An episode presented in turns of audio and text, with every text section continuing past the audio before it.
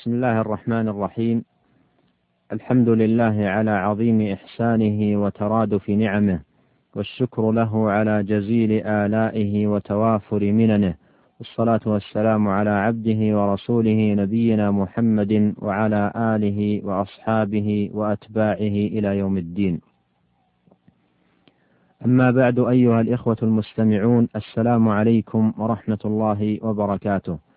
لقد مر معنا في الحلقات الماضية بيان فضل القرآن الكريم كلام رب العالمين وعظم شأن تلاوته وتدبره وما يترتب على ذلك من أجور عظيمة وأفضال كريمة وخيرات عميمة في الدنيا والآخرة. وفي هذه الحلقة سيكون الحديث بإذن الله عن أخلاق حملة القرآن التي ينبغي أن يتحلوا بها وآداب وصفات أهله التي ينبغي أن يتأدبوا بها. ولا ريب أيها الإخوة في شرف هذا الموضوع وعظم شأنه. وحاجتنا دائما إلى تذاكره ومدارسته. وقد كان أهل العلم وأئمة الفضل والخير يولون هذا الموضوع عناية خاصة ويعتنون به عناية فائقة إذ به تأتي ثمرة القرآن.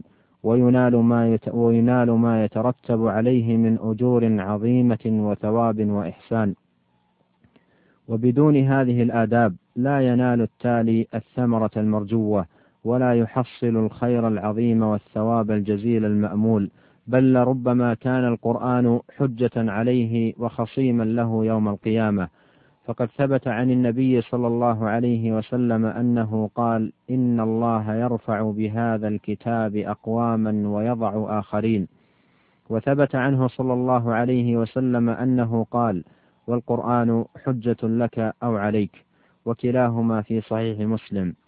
فالقرآن حجة لمن عمل به وتأدب بآدابه وأما من ضيع حدوده وأهمل حقوقه وفرط في واجباته فإن القرآن يكون حجة عليه يوم القيامة.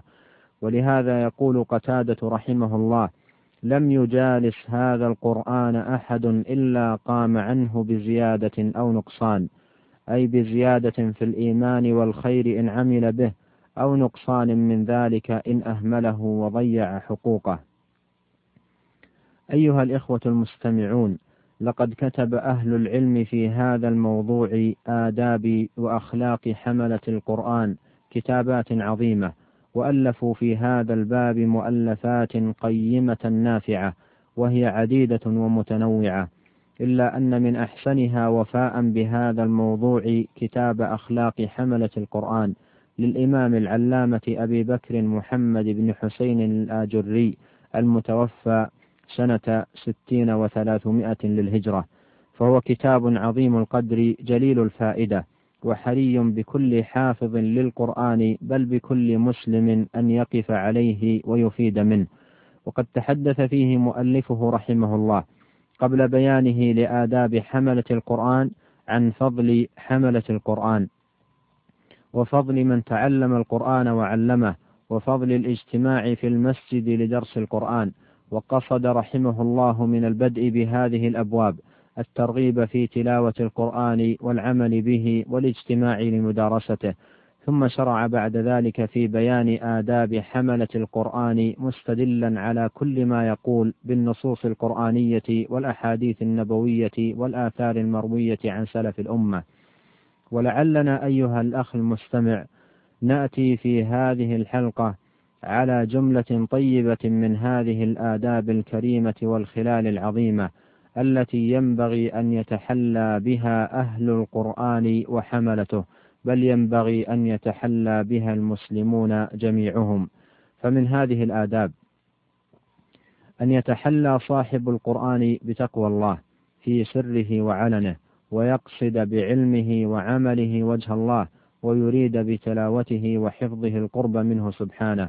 جاء عن عمر بن الخطاب رضي الله عنه أنه قال لقد أتى علينا حين وما نرى أن أحدا يتعلم القرآن يريد به إلا الله عز وجل. فلما كان ها هنا بأخرة خشيت أن رجالا يتعلمونه يريدون به الناس وما عندهم فأريد الله بقراءتكم وأعمالكم. ومن هذه الآداب أن يتخلق بأخلاق القرآن الشريفة ويتأدب بآدابه الكريمة ويجعل القرآن ربيعا لقلبه يعمر به ما خرب من قلبه ويصلح به ما فسد منه يؤدب نفسه بالقرآن ويصلح به حاله ويقوي به إيمانه. يقول الله تعالى وإذا ما أنزلت سورة فمنهم من يقول أيكم زادته هذه إيمانا؟ فأما الذين آمنوا فزادتهم إيمانا وهم يستبشرون. وأما الذين في قلوبهم مرض فزادتهم رجسا إلى رجسهم وماتوا وهم كافرون. فحامل القرآن يجعل القرآن دليله إلى كل خير ورائده إلى كل خلق حسن جميل حافظا لجميع جوارحه عما نهى الله عنه. إن مشى مشى بعلم وإن قعد قعد بعلم. وإن تكلم تكلم بعلم وإن شرب شرب بعلم وإن أكل أكل بعلم يتصفح القرآن ويقرأه ليؤدب به نفسه وليهذب به سلوكه وليزين به أعماله وليقوي به إيمانه. ولهذا أنزل القرآن الكريم ولم ينزل للقراءة والتلاوة فقط بدون العلم والعمل قال الفضيل ابن عياض رحمه الله إنما أنزل القرآن ليعمل به فاتخذ الناس قراءته عملا ومعنى قوله ليعمل به أي ليحلوا حلاله ويحرموا حرامه فاتخذ الناس قراءته عملا أي لا يتدبرونه ولا يعملون به. ومن هذه الآداب أن تكون همة من يقرأ القرآن إيقاع الفهم لما ألزمه الله من اتباع ما أمر والانتهاء عما نهى. ليس همته متى أختم السورة وإنما همته متى أستغني بالله عن غيره متى أكون من المتقين متى أكون من المحسنين متى أكون من الخاشعين متى أكون من الصادقين متى أعرف قدر النعم المتواترة متى أعرف قدر النعم المتواترة متى أشكر الله عليها متى أتوب من الذنوب متى أعقل عن الله الخطاب؟ متى أفقه ما أتلو؟ متى أكون بزجر القرآن متعظا؟ متى أكون بذكر الله عن ذكر غيره مشتغلا؟ متى أحب ما أحب الله وأبغض ما أبغض؟ فهذه همته عند تلاوة القرآن.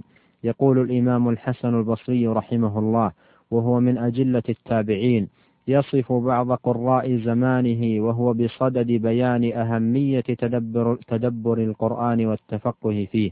يقول أما والله ما هو بحفظ حروفه وإضاعة حدوده. حتى إن أحدهم حتى إن أحدهم ليقول لقد قرأت القرآن فما أسقطت منه حرفا وقد والله أسقطه كله.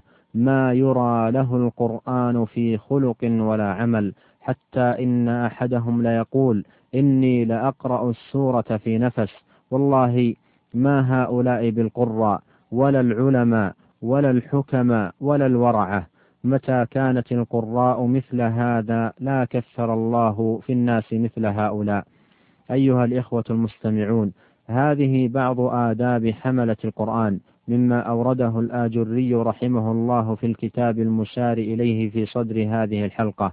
وقد أنهى رحمه الله ذكره لتلك الآداب بقوله فالمؤمن العاقل إذا تلا القرآن استعرض القرآن. استعرض القرآن فكان كالمرآة يرى بها ما حسن من فعله وما قبح.